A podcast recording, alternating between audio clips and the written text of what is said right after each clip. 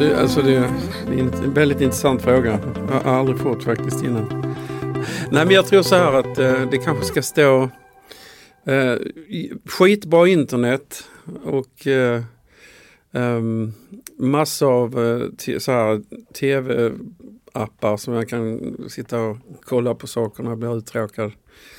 Och eh, ja, men jag måste ju käka någonting också då. Så att, eh, då får det bli eh, ja, men någon eh, bra hamburgare tror jag. Det blir perfekt.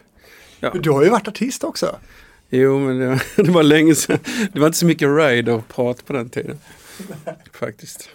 Men det kanske är lite viktigt ändå det här med eh, när man är ute. Jag menar, du är väl ändå ute en del. Har, har du kommit till situationer där du ändå eh, tycker att det är viktigt hur man tas hand om och så? Jo, alltså det är, det är viktigt liksom. Och, och speciellt om man är, åker till USA eller England och ska göra ett jobb för något eh, skivbolag och sådär. Så vill man ju såklart att de ska ta hand om oss liksom. Och, eh, ja, men för det är ju också att eh, då kan vi göra ett bättre jobb liksom. Allting ska inte vara en plåga liksom. Utan det är, det är skönt att man får ett bra hotellrum och att det finns liksom man kan ringa room service liksom. Inga problem sådär. Man ska inte behöva leta efter saker och ting liksom. Man ska bara jobba. Det är det. Jörgen, då startar vi Hitfabriken. Då gör vi det.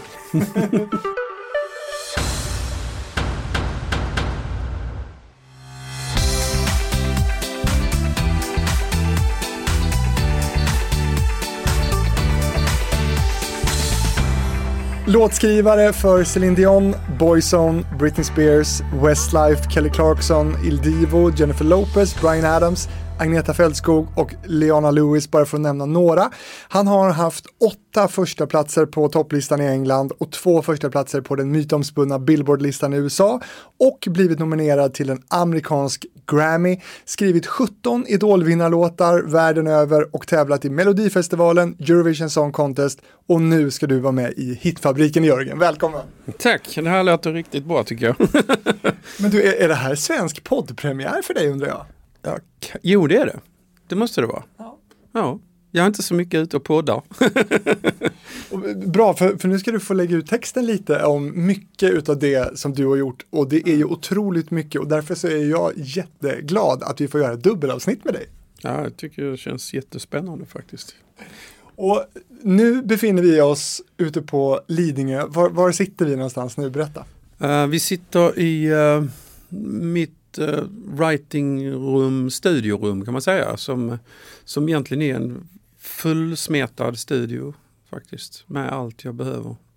Och i allra bästa så här, klass och sådär. Fast det är litet och det är nice.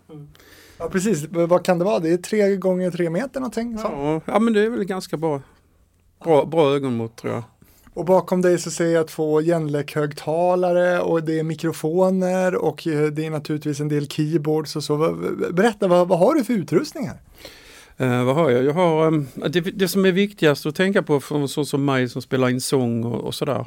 Så måste jag ha bra mikrofoner. Varför utom datorn då liksom och alla de här grejerna. Så det är väldigt bra mikrofoner. Jag har en Neumann mikrofon här om det är någon som känner till dem. Eh, någon annan som heter Corby som är väldigt intressant. Uh, och sen så har jag... Varför är den intressant? Jo, därför att man kan byta själva eh, huvuden, alltså de inspelningsmikrofonhuvudena, membranen kan man byta ut på den micken så man får många olika sorters en Neumann-mick, en AKG-mick, en Sony-mick, liksom, men i samma mikrofon. Så att det, det ger ju olika karaktärer och sådana här mikrofoner de, eh, de är viktiga och oftast är de fruktansvärt dyra dessvärre. Vad går den lös på? Ja, men det, det, vill man inte ens tänka på. Men, ja, men det är som en mindre liten bil. Ja, men 40, 50, 60, 70 tusen kanske kostar en bra mick. Men jag är tvungen att ha det för att uh, ja, men, eh, jag spelar in rösterna och de måste kunna låta bra så de kan mixas sen av någon mixgeni någonstans. Liksom, och att det ska inte låta sämre än, att de, än om de spelades in i London eller New York. Liksom. Men det är skillnad alltså, du hör skillnad på en 10 000 kronors mick och en 70 000 kronors mick? Ja det vete fan, alltså egentligen, alltså det, det gör man nog men, men det viktigaste egentligen kanske inte är micken som så. Eh, det viktigaste är ju den som sjunger och att den har någonting att säga och att det finns, en, det finns ett instrument där och en, en känsla och, och ett uttryck. Sen gör mick, om micken är bra så kommer den att fånga upp hela den här um, all frekvensomfång och göra det jättebra. Och, och, och, så att man får, oh, förlåt, man får in eh, rösten på, på bra sätt. För då kan man spara allting, då blir allting kvar till mix och så. Men om micken är lite sämre då, då har de liksom ofta problem med frekvenskurvorna.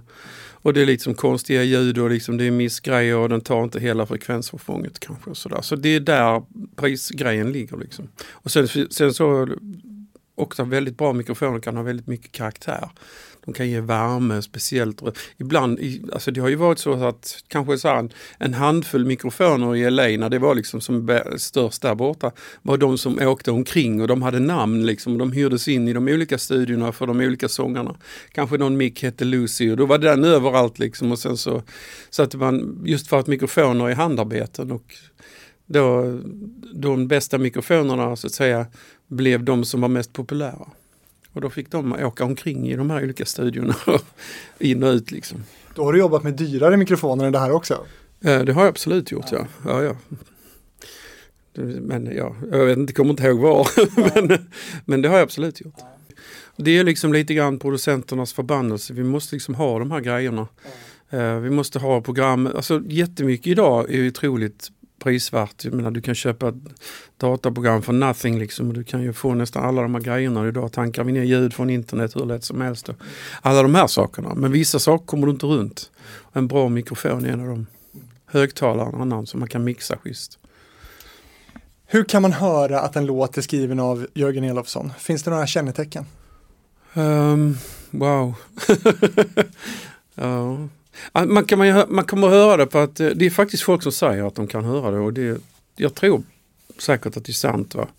Eh, den, är, den är melodisk, det kan jag säga. Eh, och den har jag, inte, jag packar inte mina lå, alltså, sång, låtar så mycket hela tiden, da, da, da, da, da, med ord, utan jag försöker jobba med utrymme, alltså att det är tyst också mellan raderna så att säga. Mm. Och att det finns ett visst uppbyggnad på låtarna. Och de låtarna som har blivit riktigt lyckade och som har funkat och sådär, de har nog ganska mycket det kännetecknet att de drivs framåt av en energi som på något sätt håller hela vägen. Så det är, väl, det är väl det som man kan höra att jag har gjort kanske. Jag vet inte. Och, och, som jag nämnde i början här så har ju du haft otrolig framgång. Jag har ju lyssnat otroligt mycket på som det du har gjort och producerat genom åren. Eh, hur nöjd är du med det som du har presterat hittills? wow, vilken galen fråga. Nej men det, alltså det är klart att jag, är, jag är ju jättenöjd att jag har fått göra det här. Och jag tycker att jag har gjort ett bra jobb och om du vet allt så här. Men samtidigt så är det en utvecklingsbransch, alltså man utvecklas hela tiden. Och så lyssnar man tillbaka och så, oh my god, det här var inte så bra, hur tänkte jag här? Och sen så, ja men du vet. Och, Vad kan det vara för låt som du tänker så om? Nej men det kan vara liksom eh, kanske någonting som eh, slank med på en skiva som kan, oftast inte en singel utan kanske ett albumspår eller något liknande. Jag kanske tänkte att det var inte det bästa. Men jag kanske fick med den för att jag var het just då kanske, du vet sådana här grejer. Och, så. och det är ofta så det fungerar liksom också sådär. Men så finns det också vissa låtar då som ja, de håller, liksom, de skulle inte ändra någonting på. Liksom, sådär. Har du något sånt exempel? Som håller? Ja. Ja, det, ja mina Britney-låtar till exempel tycker jag, framförallt min första, den, den tycker jag är fantastisk. Sometimes heter den. Den eh, var ju den som förändrade allting för mig såklart.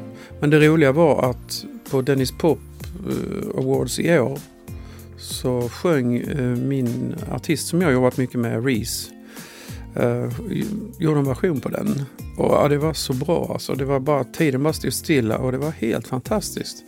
Jag tror det var gåshud i hela rummet faktiskt. Det var helt otroligt och då kände jag wow, det här höll. Alltså den håller nu med. För hon gjorde en väldigt ny, ny version av den. Och det var väldigt kul att höra så det var jag glad. Tack ska du ha Reese. en bra låt är en bra låt. Ja, faktiskt.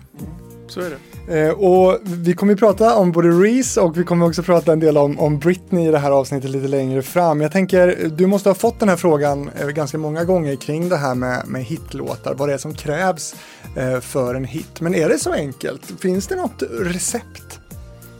Um, alltså, det finns och det finns inte tror jag. Jag tror att det finns um, ett sätt att man, man kan se på det jag brukar se det som en, ehm, en, en matematisk formel som går jämnt ut i slutet. Alltså lite grann att det måste liksom hänga ihop. Det är ju ändå musik är ju på något sätt matematik. Eh, det är ett gäng noter, ett gäng ackord och ett gäng eh, möjligheter som du har att jobba med. Och då gäller det att flytta toner och ord och allt det här på ett sätt så att du inte stannar energin utan att den ständigt lyfter hela vägen. Och det kan man göra på olika sätt. Man kan eh, Alltså du vet, så du kan ha en, en vers kanske som har få ord och sen så har du en refräng som har lite fler eller tvärtom. Eller du lyfter toner, du får ändra liksom. Så att det kan ju vara att man har en vers som är så otroligt stark att du måste göra något med refrängen. Och att då eh, kanske du måste tonartshöja, sänka den eller på något annat sätt ta bort trummorna i den eller vad du än måste göra för att fortsätta skapa intresse. Och intresse för en låt ligger oftast i energin utav en låt. Och då menar jag inte energi som i dunka-dunk liksom så. Utan energi i att föra framåt tonerna och att man tycker att det här är en bra grej som får öronen att lyssna. Vad börjar du med? Um, ja, men jag, jag är en refrängkille. Så att uh, det refrängen ska höras liksom hej och hå så många gånger i en låt. Så. Då måste den sitta. Det är liksom det och där ofta eh, liksom ligger um, ska säga, det som jag ska hänga hatten på. Liksom dunkhooken. Där måste, det måste funka där. Om inte den finns så finns ju egentligen inte låten på ett sätt. Då kommer den att falla i alla fall. Så det är där jag börjar. Jag brukar säga till alla människor som håller på. Att det är liksom det. Oftast det, det, det är väldigt lätt att man börjar på verser. Du kan skriva världens bästa vers. Men så vet du inte vart du ska gå vidare. Hur ska jag, då har inte liksom den här refrängen. Då tycker jag det är mycket enklare att ha refrängen först och sen vet jag ju vad versen ska vara. Då behöver jag bara jobba bakåt och framåt för att eh, ta berättelsen dit. Och så. Jag tror att en sån låt som jag har hört talas om som, som personifierar det som du pratar om nu, det är Diggiloo Diggiley. Jag har hört talas om att den, den fick de inte till refrängen på från början. Ja. Eh, så att där jobbar de ganska mycket på att, att, få fram, men när den väl satt så, så var det en hit. Ja, ja, absolut. Men du får jobba kanske lite hårdare. Men det är också så här att de, de har ju verkligen gjort någonting med den refrängen genom att säga Diggiloo, Diggiley alla tittar. Alltså det, det, blir, det är ju lite så här, what? Jag tror att sticket där, det var en önskedröm drömmen jag måste medge. Jag tror att det var refrängen från början, men det funkar inte. Nej, den hade nog inte varit stark nog faktiskt. För den, ibland kan man känna att refränger som du hör på radion och sådär. Det här är inte en refräng egentligen, det här är en brygga. Men det är, det är en yrkesskala som jag har va. Jag lyssnar ju på musik på det sättet. Det, det kan man ju tycka att det är tråkigt men ja, det är så det funkar för mig. Men texten eller musiken då, vad, vad brukar falla ner först? Det, jag tycker att det är viktigt att ha en textbit som jag kan börja liksom spinna musiken kring. Um, och det kommer ofta samtidigt. Uh, just um, ord och sådär. Uh, men sen såklart jag kan uh, melodi och text är viktigt för mig. Jag är den typen av person. Jag är inte uh, beatbaserad så att säga. Sitter och liksom jobbar med ett beat för att skapa en låt. Utan jag, för mig är det melodi och text. Med text och melodi samtidigt. Du har sagt att du jobbade 20 år innan eh, du fick din första riktiga hit. Och efter det var det enklare eftersom du hade en, en referenslåt. Vilken låt var det? Ja, det är en jävligt bra fråga. Jag har inte tänkt på det på det sättet, eller har jag det? Har jag sagt det? Ja, du har sagt det här alltså. Ja, då måste det vara Britney Spears och Sometimes då som mm. blev den. Men eh, jag har nog gjort grejer innan den som Alltså för, för mig var det, det alltså då, wow, det har tagit lång tid. Det, jag, jag började liksom med gitarren eh, 1978. Och, och, och, och, först i början vet man inte ett skit vad man gör liksom och sådär. Du var 16 när du började spela i band va? Ja, det är ganska direkt. Och inte bara ett band? Nej, det, var, det blev många sen. Men eh, till slut så var man ju ändå den som stod sist och, och hängde utanför. Tänkte jag, fan jag får göra det själv liksom. Jaha, vad, vad, hände? Nej men du vet så här, det är alltid om man ska ha ett band. Va? Så det, är, det är inte alla band som är som U2 liksom. Mm. Utan de flesta vill göra andra saker. De, men ja, då blev vi ihop med en tjej och så måste de vara där. Och så, nej, men de får inte lov för sin tjej att komma och spela. Eller, eller de är och krökar den här kvällen så att jaha, vi missar dem. Ja men du vet, det är många gånger, alltså det är svårt att vara fyra människor eller fem människor som vill exakt samma sak. Du var mest dedikerad alltså? Ja, i slutändan visade det sig det. Men det har ju visat sig att det har gett utdelning också. Absolut, det, men uh, det visste man ju inte då om man säger så, de där 20 första åren. nej, nej, nej, sant. Oh. Något, något, annat du har sagt är ju också att eh, jag försöker inte ligga rätt. Jag försöker inte skriva det senaste och coolaste. Jag skriver den musik som jag tycker är kul att skriva. Och det där tycker jag är lite intressant. Hur, hur, hur vet du den definitionen på att, att inte ligga coolt och inte ligga rätt? Ja, men, alltså det, det är ganska enkelt att, att, att, lyssna på. Det är bara att kolla vad Robin gör liksom, så, så vet du det. Nej men, då, nej, men oftast så, så ligger, alltså, det är coolt rätt, men det är inte jag. jag. Jag kan ju inte göra den musiken. Jag måste göra någonting som jag gör så att säga. Ja, men det du har gjort har väl också varit jävligt coolt och rätt? Absolut, men det är samtidigt också väldigt melodiskt och eh, liksom hittigt och sådär. Coolt och rätt är oftast coolt. Det är, liksom det är oftast inte... Du tänker credit? Credit, samma sak ungefär. Liksom så här, coolt är något konstigt ord som smög sig in. Som, som, som på ett sätt tycker jag faktiskt har förstört branschen lite grann. För att eh, folk undrar om det är coolt eller inte. Och who cares? Liksom egentligen, är det bra eller inte skulle jag vilja säga.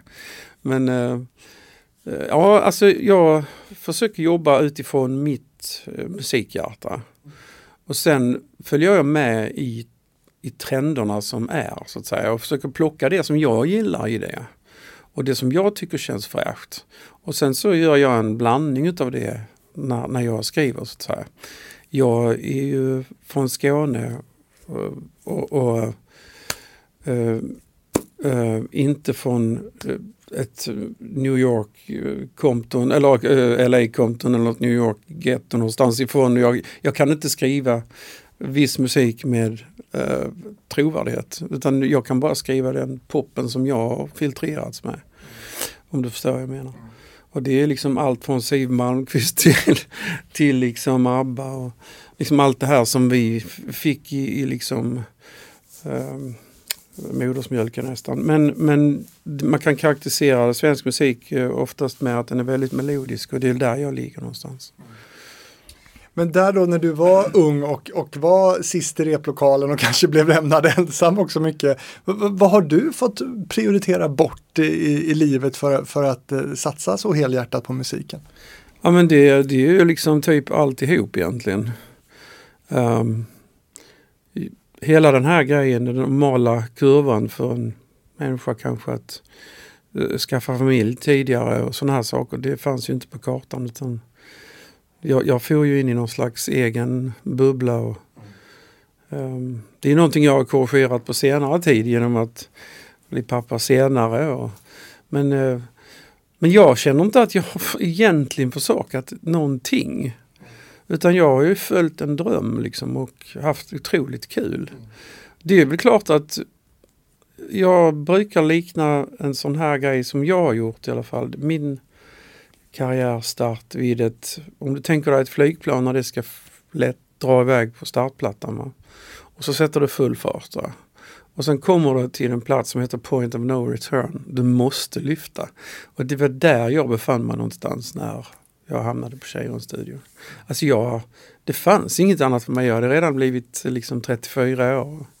Och, och liksom, jag hade ingenting till, alltså, jag bodde i min källare där nere på en tältsäng. Som, ja men du vet så här och bara körde och gjorde musik och så. Så att jag, jag fattar inte eh, den lyckan som var att jag fick liksom dyka upp på Cheiron och träffa Dagge och de andra där nere och jobba med Per och David. Och så.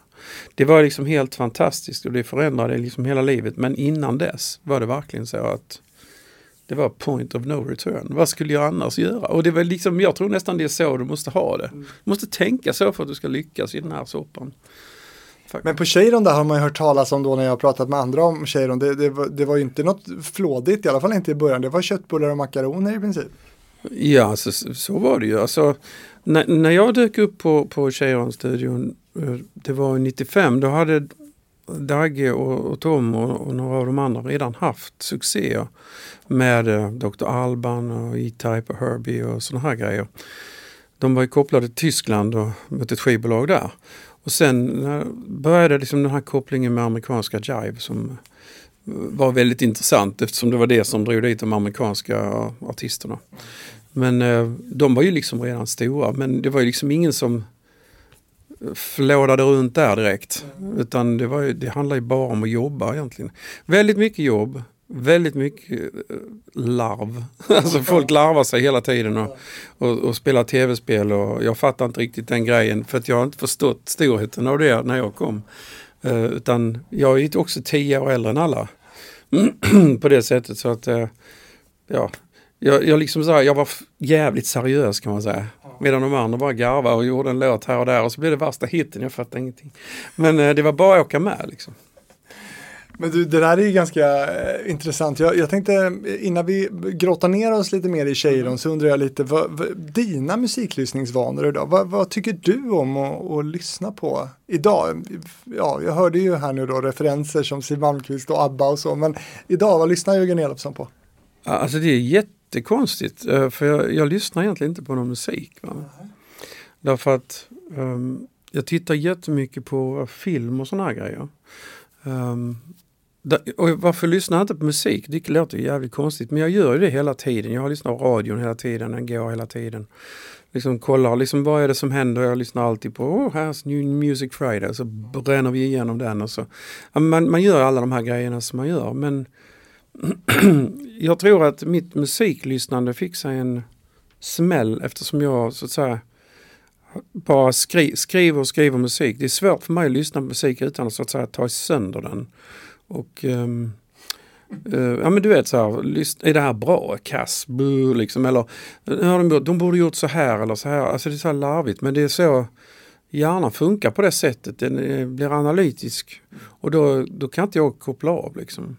Men det senaste jag satt och lyssnade på igår faktiskt var, jag bara tänkte vad fan jag, jag, bara såg någonting om Peter Lemark i tidningen så tänkte jag, fan Peter Lemarks första skiva, finns den på? Och så fanns inte den på Spotify, jag blev skitsur. Men, sen, men det fanns någon annan där och så var den här låten Little Willie John som jag bara tycker är fantastisk låt. Så den satt jag och lyssnade på.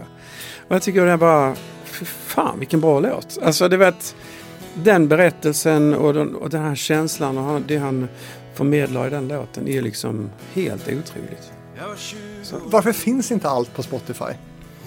Um, ja, jag tror det har en blandning med att folk överhuvudtaget inte hade... Alltså, band slarvas bort, mastrar slarvades bort. En del faktiskt. Uh, sen tror jag också att man kan bråka om de digitala rättigheterna eftersom de inte fanns inskrivna avtal på den tiden. Uh, så kan ju vem som helst ta den här jävla mastern och lägga ut den på, på Spotify och tjäna pengar på det. Så att det är ju inte så bra kanske. Utan så att det kan vara lite konflikter och lite slarv och lite sådana här saker som gör att allting inte är där.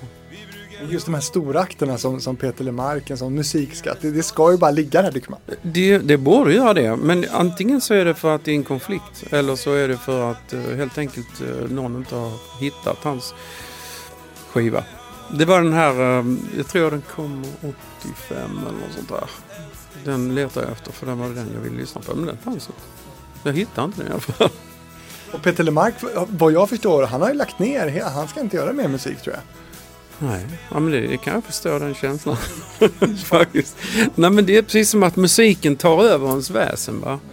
Och sen eh, blir man en slav till musiken. På gott och ont. Va? Alltså, du berättade att du är inne i en liten sån period nu. Du, du har ingen lust att skriva någonting. Alltså, precis just nu så skriver jag inte speciellt mycket. Um, och det beror på att um, eller jag har alltid haft sådana här små perioder och när jag känner så, då, då gör jag ingenting. Utan istället för att då sitta och... Det finns människor som sätter sig vid sina grejer klockan nio på morgonen. Och så sitter de där till klockan fem och så hoppas de att något ska hända. Liksom. Och så, det är lite grann som att sitta och vänta på att en björn ska komma ut ur idet. Jag har hört någon sån liknelse någon gång. Det är lite kul sådär men jag funkar inte på det sättet. Jag kan inte Uh, alltså jag kan inte göra det här om det inte är roligt. Så jag känner inte för skit jag i det faktiskt. Det, det går inte. Hur hittar du tillbaka då? Ja, men det räcker att det är någon som ringer och säger att eh, vi skulle behöva en grej till det här. Åh fan, säger jag. Och så, sen är jag igång. Så det är inga problem. Ja, det är viktigt att det finns en, ehm, en mottagare för mig. Jag, jag, jag, jag har svårt att skriva sådana här riktigt bra grejer för mig själv. Alltså vad ska jag sitta här och bara... Då kan jag göra någonting annat känner jag. kanske. Hålla på med valpen. Ja, absolut. Mm. Det är full fart där. du, i slutet av 80-talet, då fick du skivkontrakt med skivbolaget CBS som Shane. Dög inte Jörgen som artistnamn eller? Ja, det, det kändes inte det kändes inte så bra faktiskt. jag, vet inte, Jörgen Elofsson, nej. Man vill, det, det, jag var väl feg också, så tyckte jag att man skulle ha något uh, som man kunde gömma sig bakom. Men jag hittade det här namnet och det är ju egentligen ett irländskt namn, mm. typ. Och det, jag tog det från en bok som heter Mannen från vidderna. Det är en film. Uh, och jag var lite mannen från vidderna tyckte jag. Skånska vidderna? ja, när jag kom, från, uh, kom till Stockholm och inte fattade någonting. Jag hade en manager som var skitskön uh, lirare uh, som tog mig till de här skivbolagen. Jag satt i bilen utanför och vågade inte gå in. Han gick in med en sån här liten eh, du vet sån här liten bandare som man, han kunde liksom spela in mötet. Och så. Men när han kom ut från CBS-mötet så, så sa han, fan Jörgen din lycka är gjord. Så, och det, han, han, visste liksom då att de skulle liksom på något sätt eh, ta det här. Men den här A&R som jag idag är väldigt god vän med en kille som heter George Reispass. Han är med i golfsvängen idag. Och, och, faktiskt, det, var han som drog in mig. Så jag spelar golf när jag inte gör alltså, musik. Men han sa att när han hörde mitt artistnamn, Shane, sa han, fan det låter jävligt 97, sa han. Och jag fattade aldrig vad han menade med det. Det var helt sjukt, men han var eh, liksom väldigt nära för att när jag 99 så kom Westlife till eh, Cheiron-studion. Och då, jag, jag kommer så väl ihåg det, jag mötte liksom eh, sångaren i trappan. Och då sa jag fram henne och så sa han Shane. Så jag sa Shane. Fan vad sjukt. Det heter ju mitt bolag. Så. Men för att det, det heter ju Shane Songs då. Och eh, han och då kände jag shit, det var det här. Det var det som var 97. Alltså det låter väldigt 97. Jag tror fan han såg in i framtiden faktiskt då. Tror du på ödet? Ja, det är klart. Det är klart.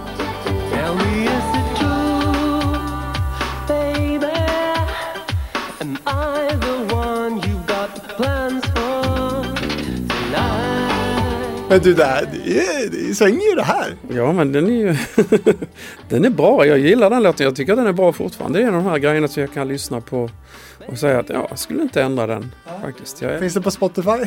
Den finns faktiskt. Det första album finns på Spotify. men du, det här är inspelat i Polarstudion? Det, alltså, den är faktiskt inspelad på Soundtrade. Eh, faktiskt. Men eh, resten av skivan var på Polarstudion. Och den är väl mixad på Polarstudion. Utan, nej det är den inte fan inte heller. Nej, den, är, den är gjord på Soundtrade, första singeln. Men hur var det att jobba där? Klassisk mark? Ja, fantastiskt, det var jättekul ju. Alltså, det var ju det var kronan på verket för mig då. Att komma upp på stora Stockholm och se liksom lite kändisar springa ut och in ur studiorna. Och, oh, här kommer Thomas Ledin och hej, här kom Tommy Nilsson, Studsand. Alltså det, det, liksom sådana där grejer. Det var, det var jävligt spännande för en sån som mig. Um, men återigen, jag redan då väldigt seriös. så att jag, jag, jag gjorde vad jag skulle liksom. Så där, försökte inte ryckas med för mycket. Vad hände med Shane då?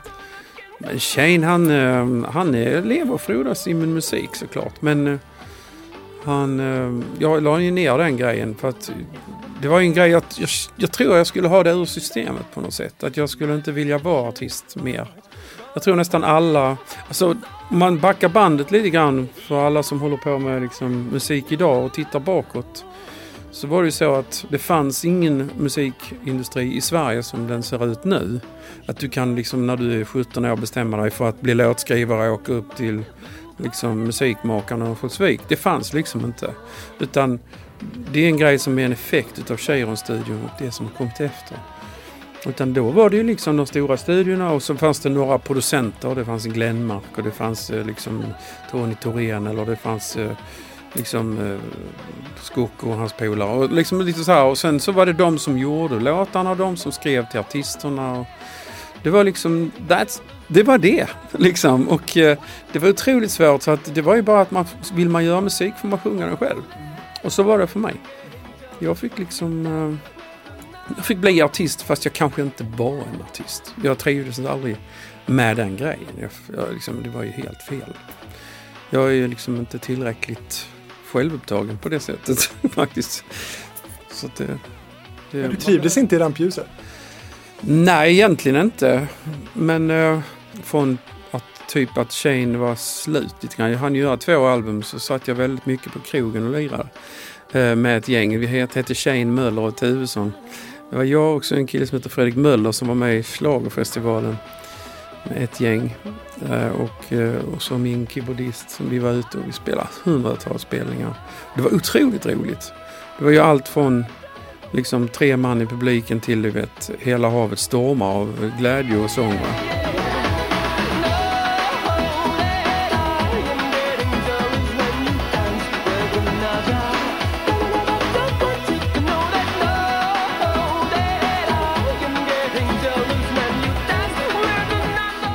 Men jag kan säga så att det var den bästa skolan. För att där fattar jag varför mina låtar sög och varför de här hitsen lever. Och så börjar man mata in dem i sitt undermedvetna. Så att när jag väl som skrev efter hela den perioden då kunde jag liksom få de här referensramarna. Och då, det är referenslåtarna. Låtarna. Referens, där, då kunde jag liksom, jag hade inte den referensramarna innan. Men det fick jag genom att lära mig alla de här eh, hitsen genom åren. Liksom. Så var det. Spela på krogen, det är ditt tips?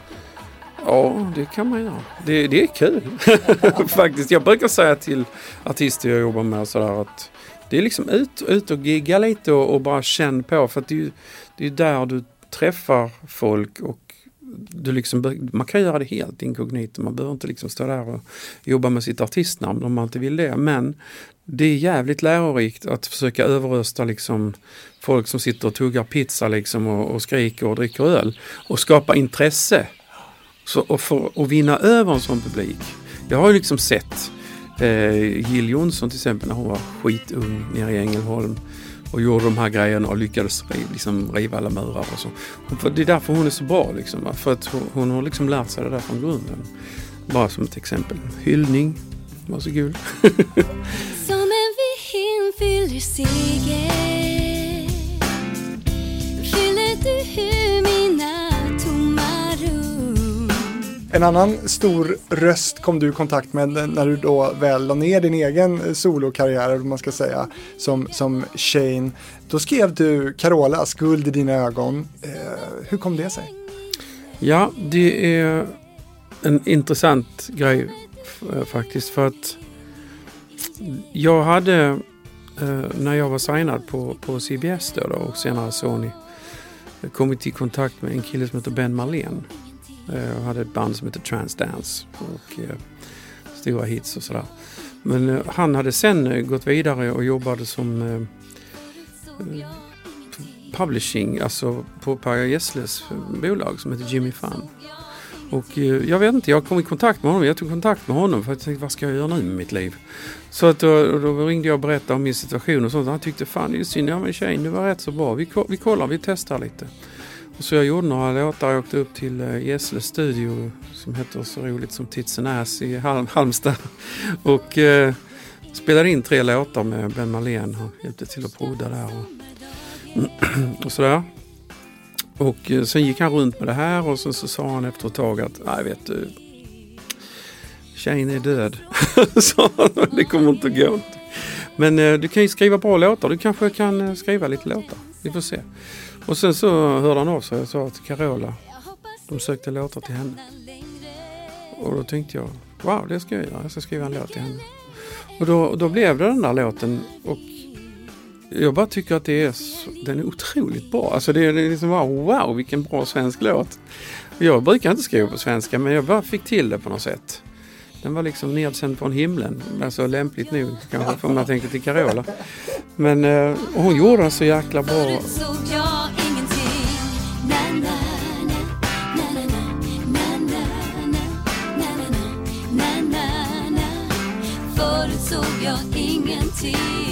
Jag kommer ihåg att jag lyssnade på den där låten första gången och det är faktiskt då som det hände för mig att jag blev låtskrivare. För att Ja, det var då första gången jag hörde någon annan göra, något e alltså göra min låt till sin egen. Jag tyckte det var så stort. Va? Och då, där klickade det till. Men det, det, skulle ta så många år innan jag skulle fatta att jag skulle skriva låtar. Så där blev jag låtskrivare kan man säga. Och den här låten som kom från himlen då eh, undrar man ju varför blev det inga mer eh, låtar där? På Carola? Alltså det, jag vet inte. Det, det är liksom... Hon kanske hade behövt det tänker jag. Ja, eller så äh, inte. alltså, nej men alla artister gör ju olika vägar. Det var ju på en platta som hette Personligt som hon gjorde med Lasse Lindbom tror jag.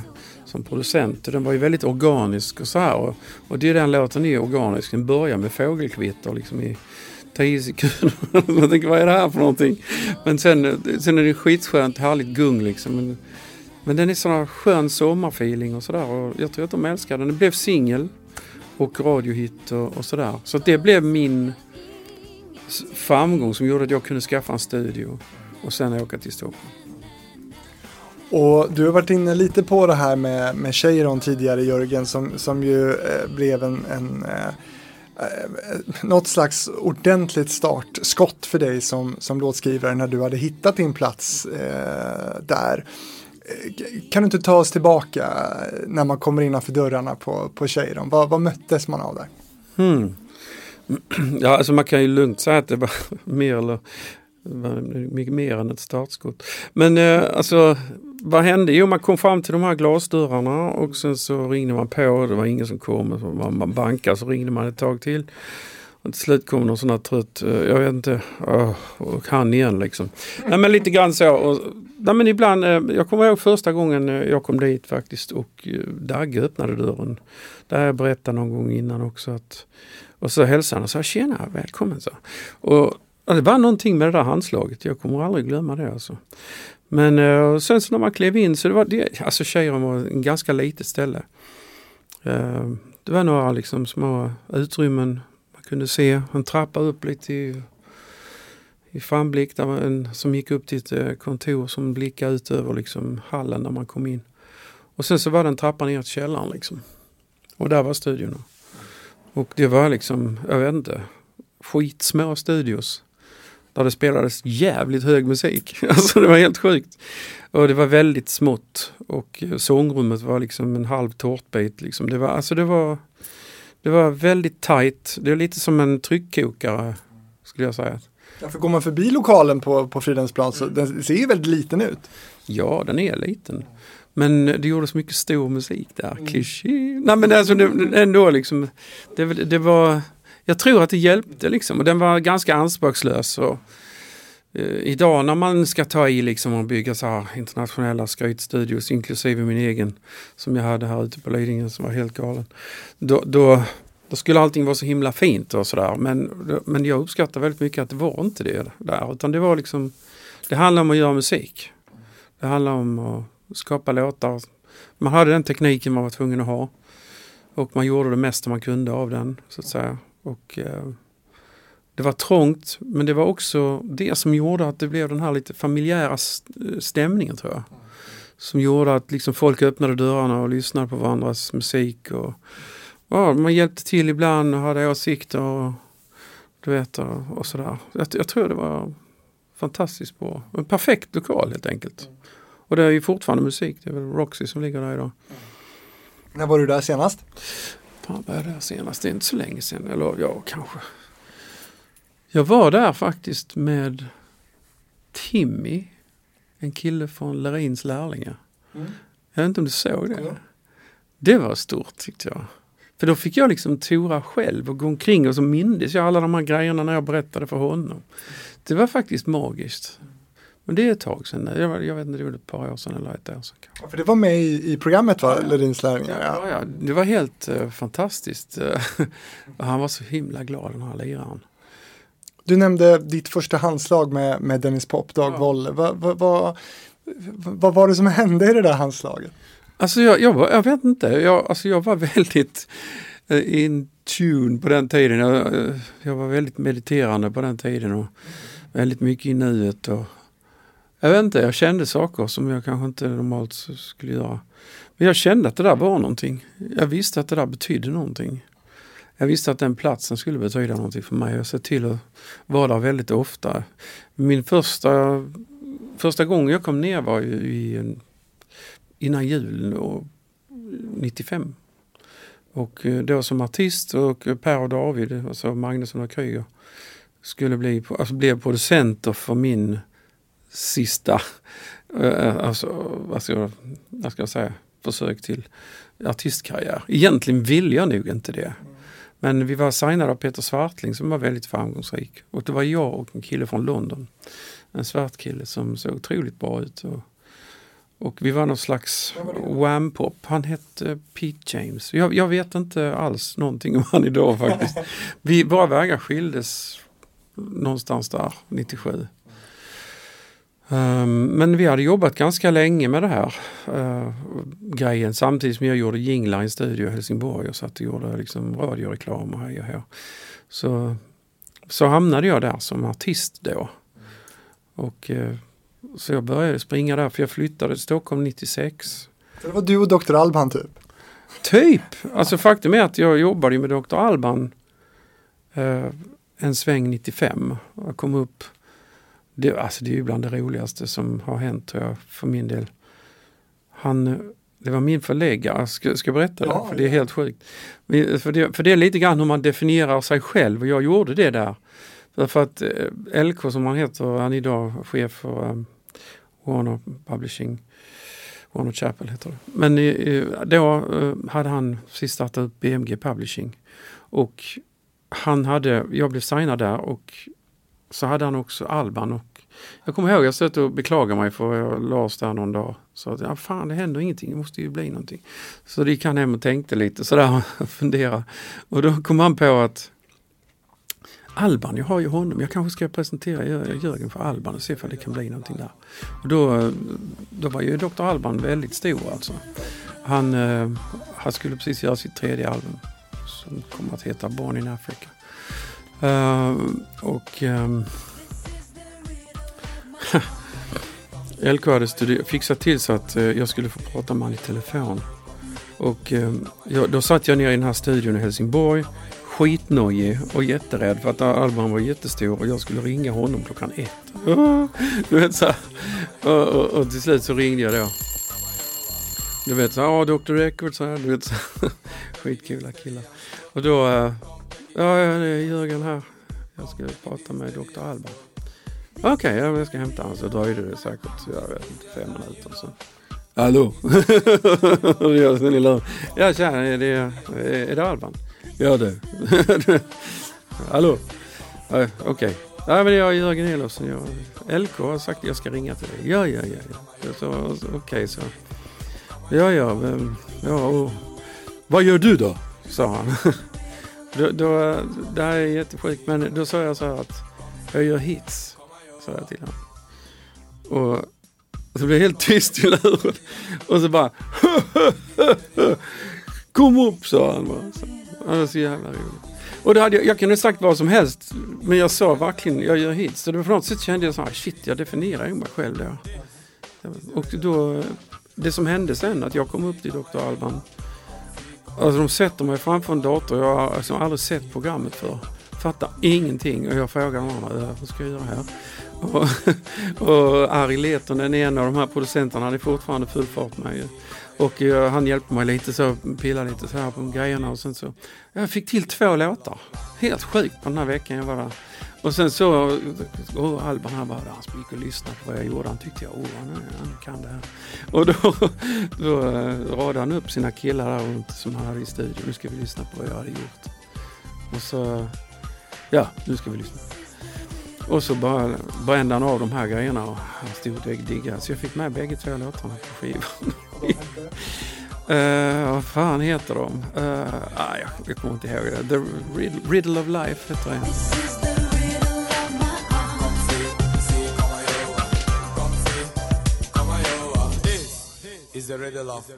Och en annan heter uh, uh, Så långt tror jag. Wow, kom ihåg det?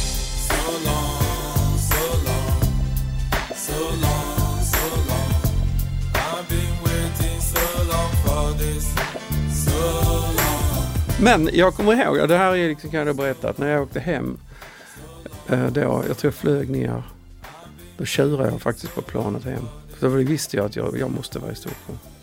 Jag kände här ska inte jag, jag ska inte vara här nere längre. Jag visste ju att jag skulle vara tvungen att flytta. Men jag var rädd för att flytta till Stockholm. Jag var rädd för att hamna i förorten som jag hade sett. Och, liksom, ja men du vet så här. Det, alltså jag kommer från liksom en liten jävla håla nere i Ängelholm. Utanför, bott vid stranden. Du vet så här jättemysigt och sådär. Då hade man liksom, man hade sett Hallonbergen på bild. det är ju inget alltså det, men, men det blev liksom för att jag, det var en sån här bild jag hade liksom. Och så hamnade du vid vattnet. Ja, ja, det gjorde det till slut. Men också i förorten ja. faktiskt kan man säga. Eh, men jag hamnade faktiskt hos Kikki i förorten i Jakobsberg och det, det var ju jättetrevligt så det hade, jag hade inga problem då. Men det var bara att man hade en mental bild av att det var, och det, jag tror att den hindrade mig jättemycket. Kikki din fru sen du menar? Ja, precis. Exakt. Mm. Men då, då visste jag inte att hon skulle bli det. Mm. Men eh, jag, jag vet att det höll mig tillbaks. Men jag kanske av en anledning eftersom det ändå gick så pass bra så måste det ändå ha varit i rätt tid. Mm. Jag kom upp och sådär. Men betyder det att man kan inte göra hitmusik eh, någon annanstans än i Stockholm? Alltså nu kan du göra det, men inte då. Um, jo, du, det fanns några enstaka sådana här grejer som, som gjordes men själva industrin var ju här. Den, och den är ju inte stor i Sverige. Men den var här.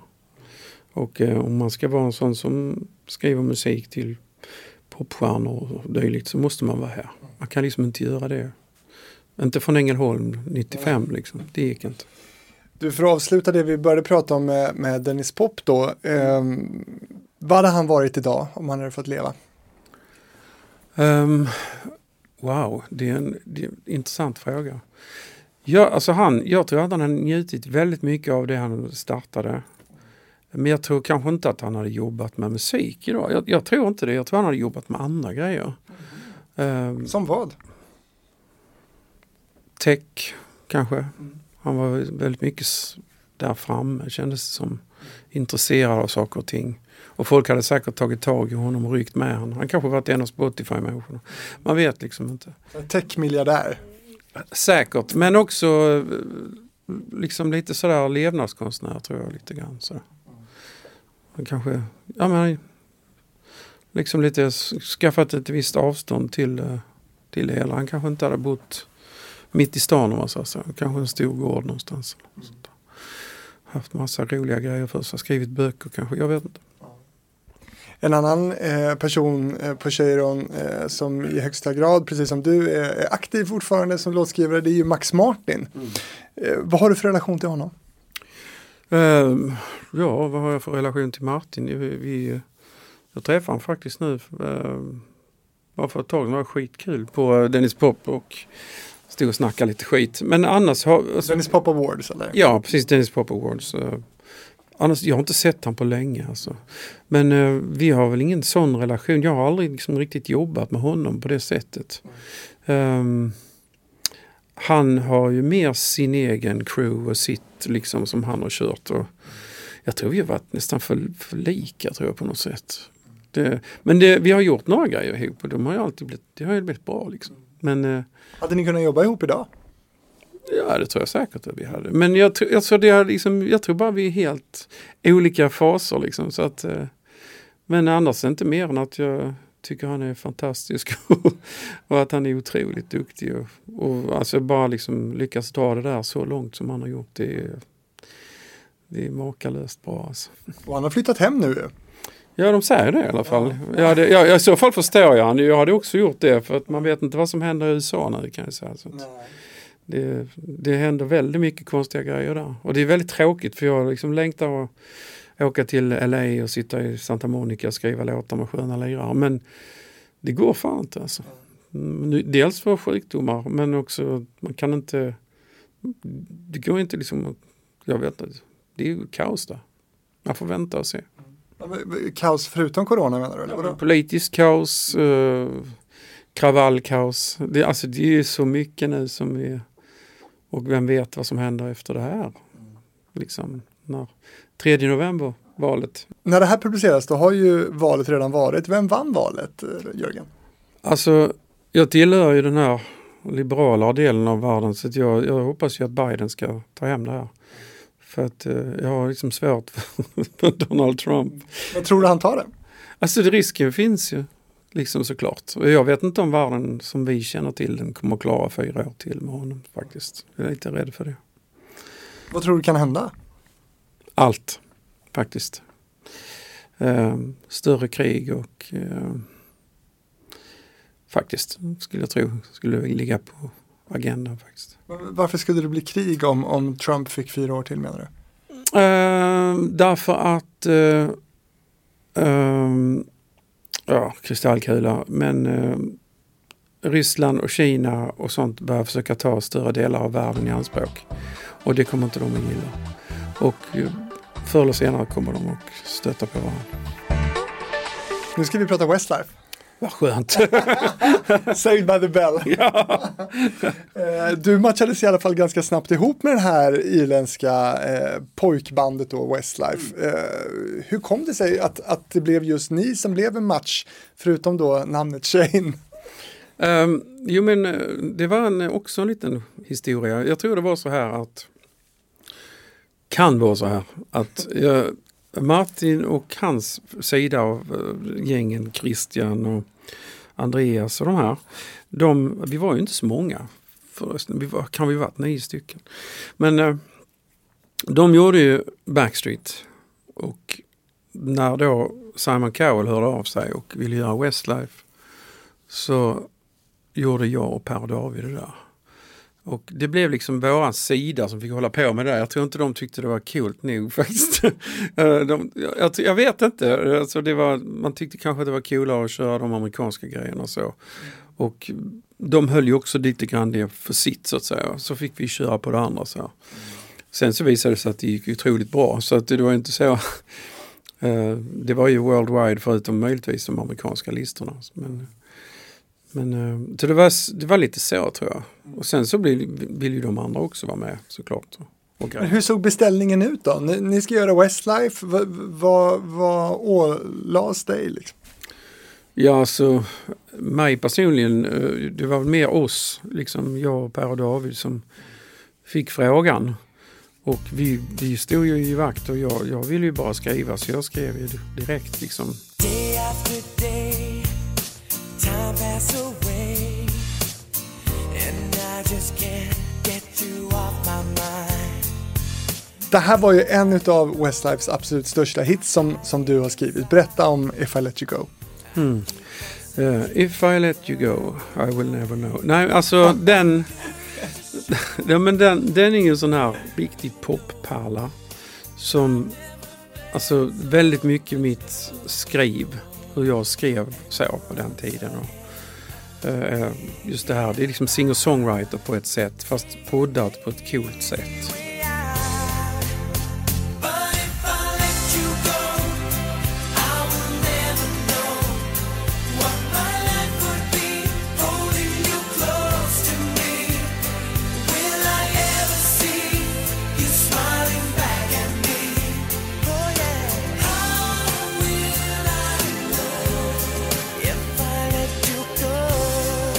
Eh, men en av de viktigaste grejerna i den låten är ju liksom But if I let you go. Den, den liksom tonartshöjer varje refräng. Det är liksom bara, och den bara kommer. Vilket gör att det blir ett sånt lyft ju. Och det var faktiskt en olyckshändelse. För jag, och det var Per Magnusson som tog fel ackord. och vi bara skrek, vad fan det här är kanon! Och sen så bara, du vet, så här, oftast är det så. Det, det, är liksom, det är inte så här, åh vilket genidrag, utan det var hoppsan, vad hände där med bandaren? Den liksom gick på halva farten och så då blev det jättebra. Liksom, det är många gånger olyckshändelser som du hör, wow, vad var det där? Och det var en sån. Så, och det, sen blev det liksom ett signum lite för oss att vi började liksom skriva låtar som ofta hade liksom tonartshöjningar. Men vi ville inte göra schlagertonartshöjningen utan liksom mer gömda tonartshöjningar. Du gillar tonartshöjningar? Absolut. På rätt ställe så är de ju viktiga. Man ska inte ha det bara för att man ska ha det. För, det, för att rädda en dålig låt, det är inget bra. Men om man har någonting som är bra och kan lyfta det ännu bättre, då, då är det ju bra. Så att säga. Det, man måste ju ändå liksom då, som vi skrev musik, skri, den musik det skrivs lite annorlunda nu. Man kan säga att en, en, tonart, en modern tonartshöjning idag är droppet, kan man säga. Och så kan man jobba med det och göra det powerful eller man tar ner det och gör det coolt eller vad man nu gör. Och man använder det eh, som en, en effekthöjare liksom. Och det, i vår musik var det lite mer refrängerna skulle, allt skulle byggas mot refräng. Det är den gamla strukturen, den nya strukturen ser lite annorlunda ut. Fattade du att det här skulle bli en listetta som det sedermera blev? Alltså man, man fattar ingenting alltså. Vi var, vi, vi var liksom som jävla mullvadar liksom, som halvblinda och halv... Sprang kring i den här Cheiron-studion. Vi visste liksom inte riktigt vad som hände där ute. Och så kom den och så small det till. Men då var det inte så här internet, bara slå upp liksom, kolla. Utan då fick man ringa eller någon hörde av sig. Och, kolla här, det har kommit en tidning nu. Och där, kolla här står det. Så att det, men det som var häftigt är att vi jobbade med den här eh, mannen som heter Simon Cowell. Och han var ju, och är ju fortfarande en fantastisk person på många sätt.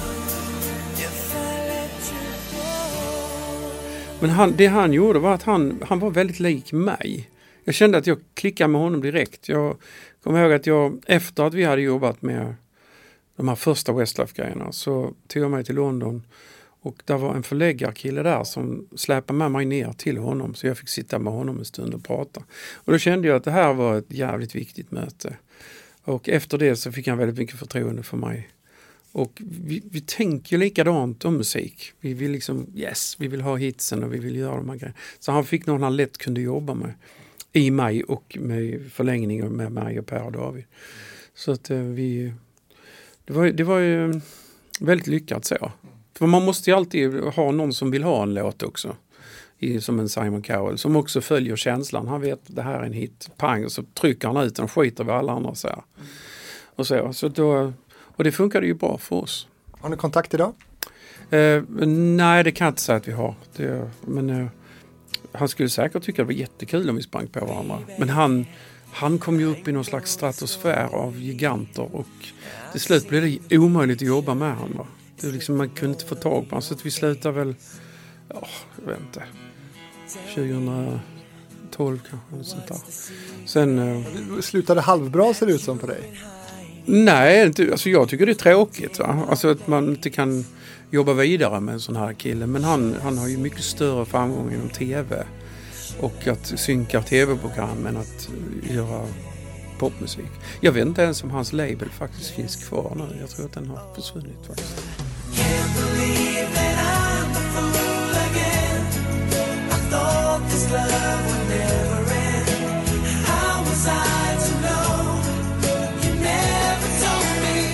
En annan listetta med Westlife som du har skrivit är ju den här låten Fool Again. Vad minns du av, av den här låten när ni, ni skapade den? Uh, den är, jag tror att den är skriven i Key West faktiskt. I ett hus på Flagler Avenue kommer jag ihåg. Eh, det var jag, Per och David och eh, ett gäng som satt där. Och jag vet att han som var med och ägde eh, Cheiron-studion heter Tom Tallerman.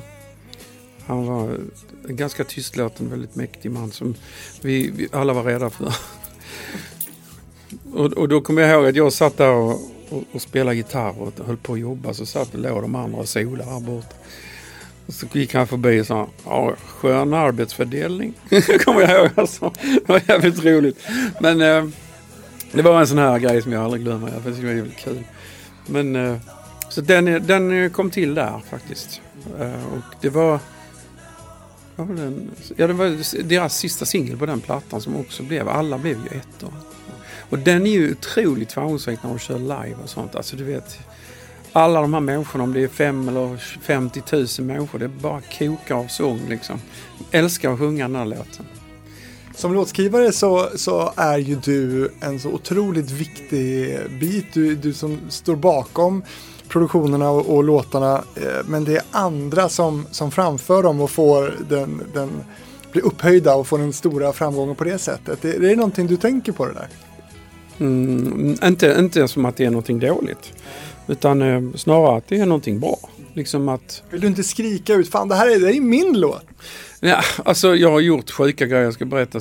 Men alltså, jag kan säga så här att jag kan tycka att liksom, tänk, jag kan ligga och vara etta på USA-listan. Nu har jag varit det två gånger, men jag kan vara det. Och har varit det. Och ingen vet vem jag är. Det tycker jag är rätt coolt på ett sätt. För jag kan gå in och i vilken affär och handla mjölk eller så. Jag behöver inte bry mig. Men ändå får jag en del av mig uppleva det där. Och det är ju perfekta för en sån som är som mig som är en egentligen en konstnärssjäl liksom på något sätt. Jag bryr mig inte så mycket om någonting egentligen mer än det här. Jag är inte så intresserad av att... Där, där, där, där. Samtidigt så har jag haft tillfällen då jag har varit ute och synts och gjort sådana här grejer. Eller, eh, på olika sätt. Va? Men det, har, det, det tycker jag inte riktigt om. Alltså. Vad var det för sjuka grejer du skulle berätta? Just det, det var någonting. Jo men det var ju på tal om så här alltså. Det, det, här, det här kommer P3. Det var en jätterolig grej. Alltså P3 hade något program, jag vet inte, det var för något år sedan. Och så pratade de om Kelly Clarkson. Och så hade de bjudit in en, en Kelly Clarkson-expert. Någon kille som verkligen gillade henne och sånt. Där. Och så började han prata om henne där och jag satt i bilen och tyckte fan det här är kul. Och så började han berätta om hur bra låtskrivare hon var. Och eh, hon har skrivit den här låten och så brände hon av den här låten. Alltså det, nu, vänta nu här, hon har inte skrivit den här låten. Så det började ringa in till, till SVT, eller till eh, Sveriges Radio. Ja. Och eh, fick tag i producenten. Och, och, och, han tyckte det var så jävla roligt att jag hade ringt in. Så han tänkte, där gör vi en grej. Och, så, att, ja, men så gjorde de en grej av det där och rättade sig och sådär. Så, ja, men jag tycker det där är viktigt. För man, alltså jag, är det någonting som är viktigt så är det sanning tycker jag. Man får inte säga att någon har skrivit någonting som inte har skrivit någonting. Det är inget bra. Utan äras den som äras bör. Det tycker jag är viktigt. Sen behöver jag inte synas. Men, men man vill inte bli så här att det blir liksom så här historieförfalskning och sen så bara försvinner allting som vi har gjort. För att jag menar det är ju ändå en enormt stor grej att som svensk låtskrivare hamna på toppen av USA-listan. Det, det är inte många som gör det. Nej, och det blev ju ganska mycket hallå kring det när, eh, i alla fall minns jag då på 80, början av 90-talet när Roxette hamnade där och det blev liksom nyhetssändningar kring det här och sådär. Men hur har du upplevt eh, att, att hamna där? Har det varit lika mycket ståhej? Nej, Nej, det har det inte varit. Alltså, men det är för att vi inte är ett band. Alltså vi, vi alltså det blir jättemycket ståhej för Kelly såklart när hon är där. Uh, och, och, för hennes karriär och oh, jösses med, det händer grejer. Men för låtskrivarna, vi är ju liksom egentligen en hög med scenarbetare. Så, som så här, vi, vi syns inte. Vi är som liksom möss på teatern. Liksom. Men det är okej. Okay. Alltså, jag kan tycka att det är helt okej. Okay. Eh, eftersom jag ändå vet att jag har gjort det här. Och varit en del av den här låten. Och det kommer alltid att vara där och det är ingen som kan ta ifrån mig det. Så det tycker jag är svinbra. Framgångarna med, med Westlife var ju väldigt stort, men, men innan det, då fick du bekanta dig med en eh, då ung amerikansk tjej eh, som hette Britney. Vad var ditt första intryck av henne? Uh, mitt första intryck av Britney var att hon var väldigt söt liten tjej. Hon var 15 bäst. Uh, blyg, kom med sin assistent där, någon kvinna från USA också som tog hand om henne där. Och eh, jag kommer ihåg att jag, Per och David vi gick med henne till eh, ett ställe som heter Kanel som låg där på eh, Hantverkargatan tror jag. Ett café där. Som, eh, och så satt vi där och pratade lite sådär och fick hon berätta lite sådär. Men hon var, hon var otroligt gullig liksom och eh, just då visste vi inte hur hon skulle låta, hur hon skulle sjunga eller någonting. Och sen den första låten hon spelade in var just min låt. Eh, Sometimes. Det var liksom, jag tror inte att folk där på Cheiron faktiskt riktigt förstod vem hon var eller vad hon kunde bli.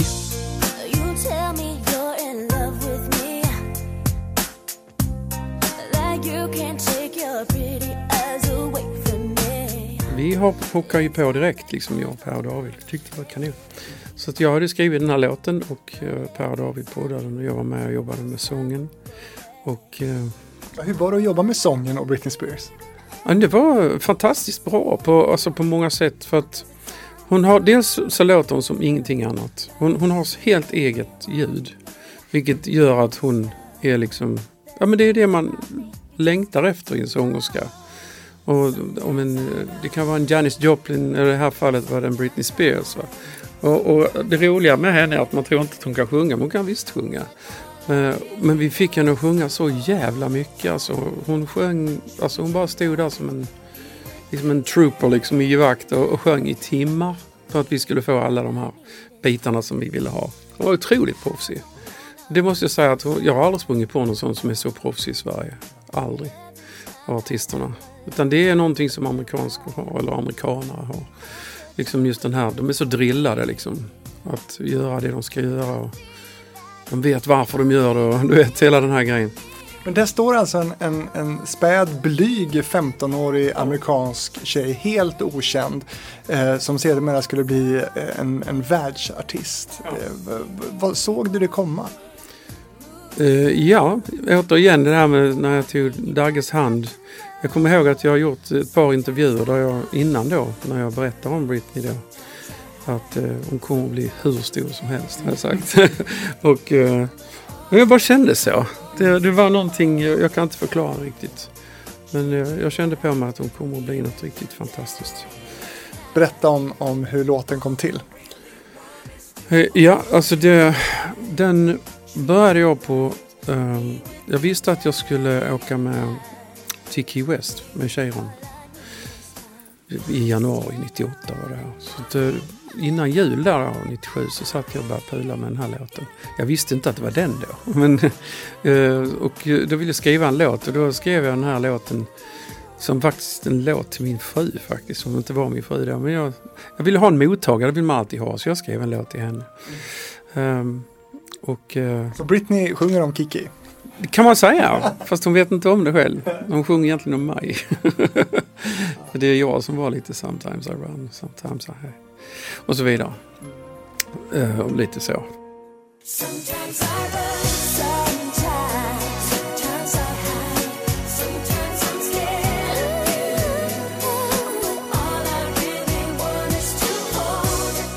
Så den är, i original handlar faktiskt om min, min relation till Kiki. Så, och, det är väl en privat låt egentligen då? Ja, det kan man säga, som blev sjukt offentlig. och det är kul, för många låtar hittar man ju bara på. Eller i stunden och sådär, men den, den hade någonting som var på riktigt. Och eh, sen tog jag med den till Key West, den idén. Och jag vet att jag liksom kom till så, som jag var rätt nysignad då. De andra hade redan bokat sina, liksom, de bodde i det här huset som tjejerna hade hyrt på. I den här gamla delen av Key West. Så det var fantastiskt mysigt. Så det var ingen plats i huset så jag bodde på ett hotell lite längre neråt gatan. Då, eh, jag kom dit ja, på morgonen vid nio, halv tio. Du vet, de sov som grisar de här andra. Så att, eh, då fick jag sitta ute på verandan och då skrev jag på den här låten. Så det var liksom ett jobb som varade kanske i, ja men du vet, två veckor. Sen var den klar och sen eh, tog jag med den hem och eh, demade upp den. Uh, och Vem sjöng på demon? Jeanette Olsson heter hon. Hon var otroligt eftertraktad sen eh, som just bakgrundssångerska till alla de här grejerna som vi gjorde. Och hela Stockholm. Jag tror hon, alltså hon har jobbat. Men eh, Vad gör hon idag? Idag bor hon nere i Grekland tror jag och har familj där. Men eh, ja, hon har jobbat mycket. Men hon var fantastisk. Hon var ung och sjöng som en eh, Mariah. Hon var helt otrolig. Och ehm, eh, så att hon sjöng på den och sen när jag var klar med min lilla demo så släpade jag ner den till Cheiron-studion. Och det var det första jag skulle spela upp för dem där nere. Och då var det lite stressigt för mig och eh, då var det så här att vi skulle samlas i, i det här eh, klipprummet som det heter. Det var ett rum på två gånger en meter liksom, typ. Och då var det jag och eh, Dennis Pop då och eh, Martin och Tom. Så det var liksom hela hjärntrusten och jag och så skulle jag spela upp den här låten. Jag kommer ihåg att Dagge han, han såg lite tvivelaktig ut. Han sa ja den är, alltså det blir bra men den är väldigt snäll. Så, så. Ja, så, så räddade faktiskt Martin mig där han Ja, den är snäll men den är, den är jävligt bra. Jag tror jag skulle kunna passa den här. Alltså, Jive håller på med en ny artist. Ja som heter Brittany, sa han. Det var ingen som visste att hon hette Britney då. Så det var Brittany. Och så, så spelade han upp en, eh, en, eh, en grej som hade gjorts i USA då, då. Och det lät ju så. Wow, det passar ju perfekt. Ja, det är bra, sa Tom. Och vi skickade den till uh, han då som uh, höll i de här grejerna. Så att, uh, Martin Dodd heter han i alla fall. Så att han, vi skickade låten dit och sen hörde de av sig och sa ja, de tog låten. Va? Fan vad kul liksom. Men sen så fick man ju då reda på att hon var för det, jag fattar inte det, för texten var lite annorlunda då. Den var lite mer vuxen. Om man säger så. Så att jag fick ändra den så att den passade en ung tjej. Så att uh, vissa grejer plockades bort och ersattes. Var det något snusk eller? Nej, det var mer every time I'm making love to you och så vidare. Men liksom det, det var bara mer vuxen liksom. Och så. Så att uh, det var... Och det blev ändå jävligt bra. Jag tror den blev exakt vad den skulle bli. Mm. Det skulle inte varit någonting annat. Så att uh, det var precis så som den blev. Och det blev din signaturlåt också? Ja, det kan man ju säga lugnt. Alltså, alltså det, det, man ska, jag vet inte vad man ska säga. Alltså det är så sjukt när man kommer från ingenstans och så är det precis som man tar en hiss som aldrig slutar gå. Liksom. Det är bara rakt upp i liksom stratosfären. Och sen det, det, som var häftigt med den låten för mig var ju att det var min egen låt. Jag har ju skrivit den låten, det är ingen annan sitt namn på den låten. Vilket gör att alla som tittar på hits som kollar ser mitt namn. De ser inte liksom Martin och jag eller någon så, utan det är bara jag. Så då fick jag väldigt mycket intresse kring mig. Och väldigt mycket pengar. Ja, jo, alltså det kommer med det där.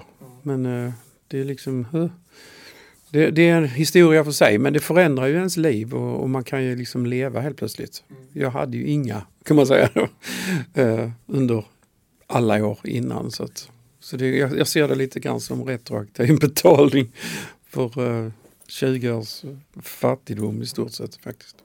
Men vad är den värd? För, för jag har hört någonstans eller läst någonstans att, att den har spelat in ja, minst 25 miljoner bara den. Men, ja, alltså, det, alltså sådana såna siffror det är lite tråkigt för att Usch, var, jag vet inte, jag gjorde någon intervju för jag brukar aldrig prata om pengar. Så blev det det så la de den och så sa de att jag hade vet det lät som att jag sa att 25 miljoner var småsmulor men så är det ju inte. Jag förklarade liksom att en sån låt, alltså om, om det blir pengar på sådana grejer så är det ju ändå bara småsmulor av artister och skivbolag får. Men det är ju fantastiskt när du får någonting utav någonting och att det kan bli sådär. Idag är det långt bortom det faktiskt. Mm. Den bara går på ju. Mm. Så att sådana såna enorma låtar som, jag menar ta, ta, ta en Blinding Lights nu liksom. Det går ju liksom inte att förstå hur mycket pengar de drar in. Det är enorma summor idag. Men det häftiga med det är ju att, att du kan skriva en sån låt och sen pensionera dig i princip. Ja, det vet jag fan inte, inte i Sverige inte, inte med de här skatterna. Så att, så att det, det är ju så här att om du tjänar pengar i Sverige så, så betalar vi väldigt mycket skatt. Så att det, det, är ju, det är ju liksom Sverige som tjänar pengarna. Jag ska, jag, ärligt ska jag säga så att jag, jag, tycker det är obekvämt egentligen att prata om pengar. Eh, därför att jag har aldrig liksom jagat pengar. Utan det blev ju liksom en form av, vad ska jag säga, effekt utav att det blev någonting. Och sen, sen har jag tyckt att wow, alltså du vet så det, du har kunnat förändra mycket. Jag har fått ett liv liksom. Jag kan bo bra, jag kan ha för min, mig och min familj. Och, du kan spela golf. Ja, jag kan spela golf liksom. Nej men du vet sådana grejer. Det, alltså det är jätteskönt. Så, men det, alltså väldigt mycket går ju åt i att man måste investera i sig själv hela tiden för att om jag ska ha en karriär som är 20 år då räcker inte en låt utan jag måste göra många låtar. Som, och så att det har ju liksom, jag har tryckt in väldigt mycket i det också, i skapandet och investerat in i mig själv. Så, så har det fungerat för mig. Jag, jag har väl en svaghet, jag, tycker om en bra bil och så. Så att bilar gillar jag. Liksom. Men, jag, Men det är också väldigt svenskt det här med att tycka att det är jobbigt att prata om pengar. Ja, det är sjukt svenskt. Hade man varit uh, född i USA så, så bara kör man. Liksom. Då tycker man att det är liksom så här. Men det är också så här, jag tycker liksom att nya generationer svenskar har inga som helst problem med det. Därför att jantelagen tunnas ut. Men jag är uppväxt liksom under 60-talet liksom och 70-talet liksom och sådär och då, vad fan kom igen. det, det fick man inte liksom tjäna några pengar inte. Alltså det, det var så verkligen. Så. Är du präglad av det också? Ja det tror jag säkert att jag är. Ja. Är det inte också, jag tänker, ja pengar är ju pengar, det är ju kronor och öre, men jag tänker också att det är i ditt fall eh, ett, ett, ganska bra tecken på framgång, alltså det, allt du har gjort. Ja, men det är klart att det är, det är en effekt utav att andra har tagit någonting som jag har gjort och multiplicerat det med eh, tusentals och tusentals eh, grejer. Liksom. Så att det, det är klart. Och jag menar, om andra tjänar jättemycket pengar så är det ju bra om vi som skriver musiken också tjänar några pengar. Och det mesta av du skriver liksom så här, det blir liksom inte sådana här eh, enorma eh, vad ska jag säga, utfall. Det, alltså det är jävligt sällsynt, väldigt sällsynt mm. faktiskt. Och idag är det väldigt mycket också, även om låtarna kanske är väldigt stora, så ibland är de tio låtskrivare på de här låtarna. Så de måste hugga biten i tio bitar. Och, mm. och sådana här saker. Så det är väldigt sällan att du får de här eh, stora utfallen. Mm. Men när de kommer så blir de mycket större idag. Därför att det finns mycket fler ut, alltså distribution för låtar idag. Det, det, det, streamas hit och dit och det laddas ner och det spelas på radio, mycket mer radiostationer och allting är mycket mer. Så att eh, en hit idag kan man säga är mycket mer värd än vad den kanske var år 2000. Men det, men innan hade vi liksom en, en mer liksom så här, det fanns en baslinje utav, du kunde liksom jobba som låtskrivare och det fanns mycket albumlåtar och hej och hå och sånt och den, den grejen finns knappt idag. Så det är en annorlunda scen. Som du nämnde år 2000 här så, så tilldelades ju Cheiron Productions låtskrivare och producenter musikexportpriset av den svenska regeringen. Eh, och ja, nu var du inne lite på det här med skatter och sådär, men musikexport har ju blivit någonting som har blivit otroligt stort i Sverige. Eh, men ha, har ni då givits de bästa av förutsättningar för att verka här? Eh, Alltså, jag kan fan inte svara på det. Jag tycker att jag har haft fantastiska förutsättningar. Jag har ingenting att klaga på. Dessutom så har jag inget emot att betala skatt heller. Så att jag menar, det är någonting som man gör. Det tycker jag att det finns ingen anledning bara för att helt plötsligt, åh nu gick det bra, då drar jag. Alltså den, den människotypen är inte jag. Det, det är andra som, som är mer fokuserade kanske på just liksom pengahögen som så. Men det har inte jag att, utan jag tycker det är viktigt att, att vara solidarisk. Och sådär. Men dina rådgivare då, tycker de också det? Dina ekonomiska rådgivare? Nej, de tycker nog jag är dum i huvudet. Nej, alltså, det, nej men alltså, de har aldrig bråkat så. Jag, jag har inget stort liv liksom. Jag har ingen sån, du vet så här burn rate och, och, och liksom köper massor av galna grejer och sånt där. Jag är rätt sparsam och sen så Köper dyra mickar? Ja, ja alltså det är ju det här som, alltså det, det kostar liksom att göra musik. Det, det är ingenting som, du, du måste liksom kanske skriva, jag säger att en av tio låtar kommer ut. Så de här andra nio måste du ändå producera upp och fixa till och, och det, det är liksom så, även om du är väldigt stor, under en kort period så får du ut nästan allt man gör. Men sen är det liksom det här, mycket jobb, mycket gnetande och resande, mycket resande, mycket hotell och mycket liksom hyra lägenheter och fan och hans mormor, jag vet fan hur mycket man bränner liksom på sånt där. Men allt det där står du som låtskrivare för, den enda utdelningen du får är egentligen eh, efteråt. Ja. Men eh, går det bra så går det bra.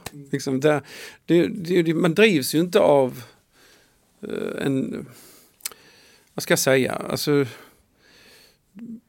man måste älska musik för att på något sätt orka göra det här tror jag. Det, det, är, liksom, det är väldigt, väldigt sällan det händer och smäller till. Och när det smäller till så gäller det att ta vara på så mycket du kan av det som kommer efteråt. Man kan inte börja spela golf då. Det blir inget bra. Utan då ska man jobba istället som satan. Och sen kan man spela golf när det liksom, liksom tonat ner sig lite grann och man känner så fan jag orkar inte gå till studion, vad ska jag göra liksom? Kan jag inte sitta här och titta på tv dagarna ända? Då får man liksom, då kan man ju spela golf. Men det är inte liksom heller så här, fan vad... Det är bara någonting att, att hålla för tyst på huvudet. Liksom. I den här delen med dig så ska vi avsluta den genom att prata klart om, om Britney. Eh, jag vill gärna först bara höra lite mer om en annan stor Britney-hit som, som du skrev.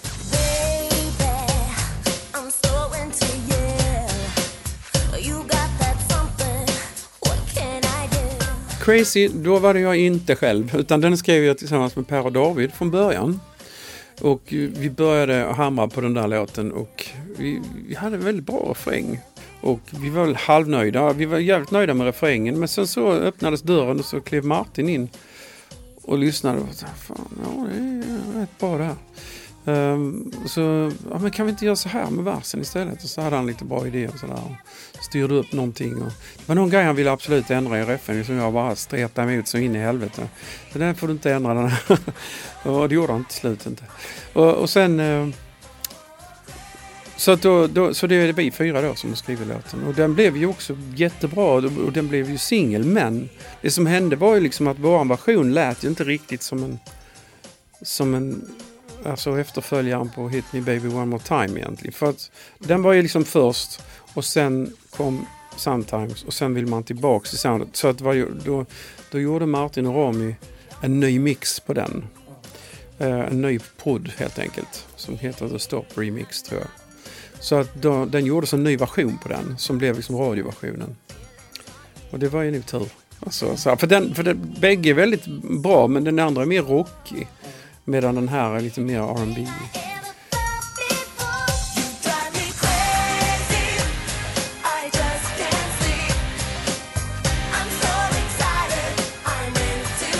Tillsammans med alla låtskrivare på Cheiron som arbetar med albumet Baby One More Time så fick du också din första Diamond Award eh, för mer än 10 miljoner sålda exemplar i USA. Och sen dess då har ju den här plattan sålt mycket. mycket vet, vet du hur många? Alltså, har du koll på sånt? Nej, egentligen inte. Men jag, jag, skulle tro att den är säkert uppe i alla fall i 35 miljoner kanske, worldwide. Jag tror att eh, den ligger på den här topp 100-listan av mest sålda skivor i USA. Så det är ju kul. Hur mycket har du följt Britney sen dess? Um, ja, men lite fram och tillbaka. Jag, jag, har ju, jag, jag jobbade med henne fram till tredje plattan. Jag fick med en låt faktiskt där också. Det var ju lite ovanligt. För det var ju den här Slave-plattan där hon bytte sound. Och, uh, uh, When I found you heter den. I believe we all have one true love En helt annorlunda låt som jag eh, Peter Kvint fick koda faktiskt. Det här var en jättekonstig sån här grej. Alltså, för jag eh, äh, spelade in sången med henne och producerade henne i min studio, min lilla studio på Östermalm. Och då var det ju verkligen så här att här kommer en bil och ut utkliver världens största artist in i huset. Och inte en jävel fattar vad som händer och ser henne gå omkring där inne. Och vi lägger sången i min lilla studio med det lilla sångbåset. Och uppe så hade jag liksom en TV eh, ovanför liksom så här som, som liksom så här man skulle ha lite så här. Och där gick ju MTV. Så där, men ljudet var av. Va? Och så står hon och sjunger här. Jag kan se henne i det här runda fönstret samtidigt som jag ser henne på TVn där i MTV. bara Bakar på sig. Så där kan man säga att den grejen är ju väldigt mycket så här epicenter av att vara i mitt i allting. Eh, och det är en häftig känsla.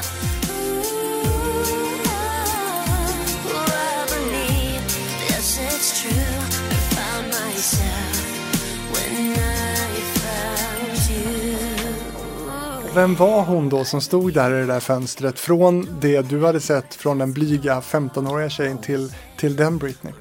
Alltså, det var faktiskt inte mycket som har hänt tycker jag. För alltså, jag, det är klart att hon råkade ut för mycket, kämpat mycket, jobbat mycket.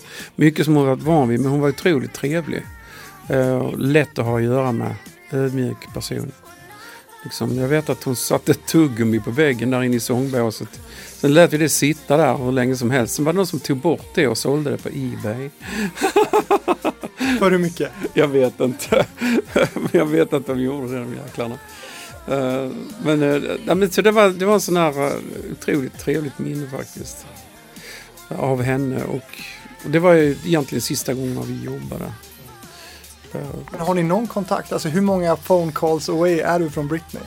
Uh, alltså om man tänker på six degrees of separation så, mm. så är det nog inte så många.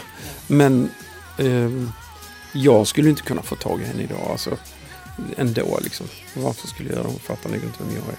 Jo, det kommer hon att göra såklart. Va? Att hon, minns, eh, hon minns ju vad vi gjorde och hon tyckte det var väldigt kul att jobba och sådär. Men ja, det är klart man ser, man ser vad som händer. Det är en jävla soppa just nu. Inte riktigt vad de håller på med. Lite konstigt. Hon, hon jobbade säkert väldigt mycket. Probably för mycket. Och väldigt ung när man är sådär ung och utsätts för så mycket så händer det nog saker i, i liksom själen och, och sådär. Men hon har ju varit här och turnerat en del och visat upp sig. Har du inte gått på konserterna ens? No. nej, faktiskt inte. Jag, jag vet inte varför. Jag, nej, nej jag, jag, det känns som att uh, jag ville se henne när hon var som bäst.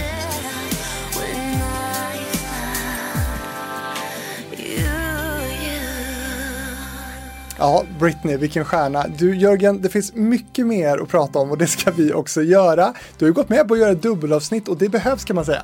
Okej, okay. ja. inga problem. Så vill du höra mer eh, om Jörgen och hans karriär, vi ska snacka om Idol naturligtvis. Han har världsrekordet i Idol-vinnarlåtar.